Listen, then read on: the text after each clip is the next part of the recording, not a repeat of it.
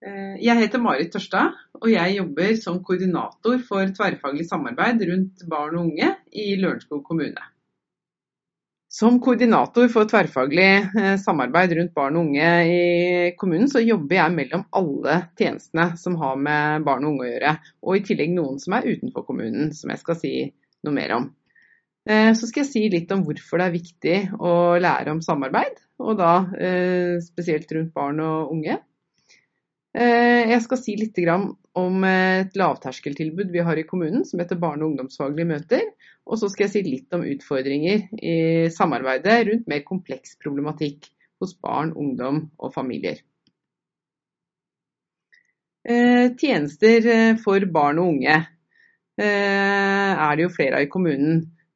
Tenk gjennom hvilke hjelpere du har vært i kontakt med som barn eller ungdom, eller kjenner til på andre måter. Så kanskje du kjenner igjen noen av de tjenestene jeg eh, forteller om. Eh, tjenester som finnes i alle kommuner, det er jo eh, de tjenestene som alle barn og unge kommer i kontakt med, som barne, barnehager, skoler og helsestasjon. Og så finnes det også en del andre hjelpetjenester, sånn som pedagogisk-psykologisk tjeneste, som forkortes som PPT. Eh, det er barnevernstjenesten, det er kommunepsykolog, og det er Nav og litt forskjellig som, er, eh, som finnes i alle kommuner.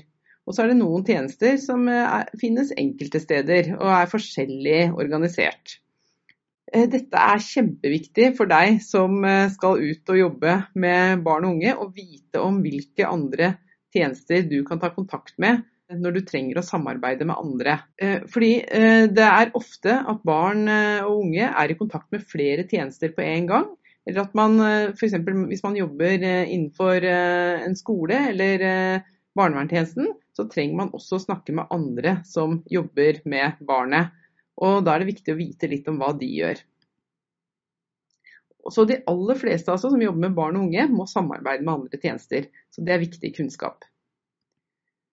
Fordi eh, når barn eh, lever livet sitt i kommunen, eh, så eh, har de sin egen arena, som er venner og fritid og det de holder på med selv. Og så er det skole, og eh, så lever de livet sitt i familien. Og så er det aktuelle hjelpetjenester rundt. Og det er viktig å eh, se på dette i en sammenheng, og se at det, barn og unge beveger seg på alle disse arenaene på en gang. Og her trengs det forbindelseslinjer og samarbeid. Når det gjelder utfordringer i mer komplekse saker enn det som passer inn i et lavterskeltilbud som de barne- og ungdomsfaglige møtene, så samarbeider alle kommunale instanser imellom, pluss spesialisthelsetjenesten, som som oftest er da BUP, eller det vi kaller for psykisk helsevern eh, for barn og unge, som ligger inne under sykehus. Eh, og så er det også noen utfordringer eh, i å samarbeide med foreldre når situasjonen blir veldig fastlåst. Jeg skal gi et eksempel på noe som kan bli eh, ganske vanskelig. Når noen f.eks. begynner å bli borte fra skolen. Det kan jo ofte starte med at det er et høyt fravær. Det kan man drøfte i de barne- og ungdomsfaglige møtene, som er et sånt lavterskeltilbud som er på alle skoler og barnehager og helsestasjoner. Kanskje man kan finne noen løsninger før bekymringen blir for stor. Men så kan det bli stadig lengre fravær, og gjerne i etterkant av ferier f.eks. at eh, ting blir mer alvorlig.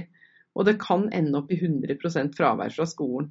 Og da trengs det flere tiltak, eh, og at alle samarbeider godt, og at man lager en veldig god plan eh, sammen. Det kan være både skole, foreldre, ungdommen selv og PP-tjenesten og BUP. Og så kan det kombinere, bli kombinert eh, det fraværet med enda eh, gradvis mer isolasjon i hjemmet. Og noen ender opp med å isolere seg internt hjemme på eget rom. Det som eh, er, det er at når det blir så alvorlig, eh, så ser vi at eh, det som kan ha skjedd da, det er at det er ingen som har tatt et samlet ansvar for den familien og lagd en god plan med hva alle skal gjøre sammen. Men at eh, ungdommen og familien, eller barn og familien, har blitt en kasteball eller stafettpinne i hjelpeapparatet. Og årene går veldig fort i den runddansen hvis man ikke koordinerer seg godt. Og det kan se litt sånn ut som det her, at det blir en sånn slags øyehopping, hvis man kan kalle det det, mellom tjenestene. Hvis disse tjenestene er disse forskjellige øyene, da, så blir det veldig mye tid ute i det kalde vannet imellom at man får hjelp f.eks. hos PP-tjenesten eller BUP eller barnevernstjenesten. Så det er veldig viktig å lage noen uh, broer, så å si, mellom disse øyene, så at man får til en god flyt og en uh, en god planlegging og koordinering av de forskjellige hjelpebehovene eh, barnet og familien har. Og så er det viktig å tenke at eh, hvis alle bare gjør jobben sin og ikke noe mer, så er jobben ofte ikke gjort i disse komplekse sakene.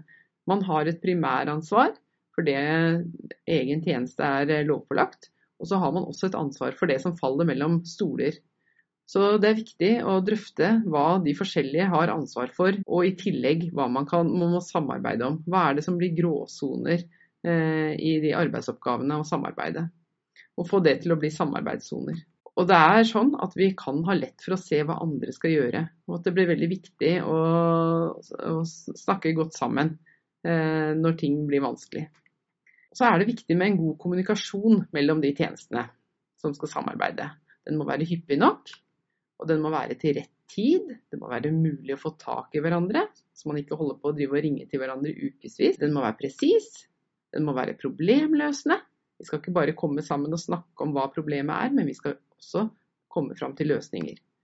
Gjensidig respekt for hverandre og hva øh, den enkelte har av kompetanse.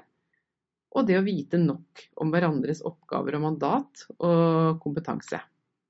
Det var alt. Takk for oppmerksomheten.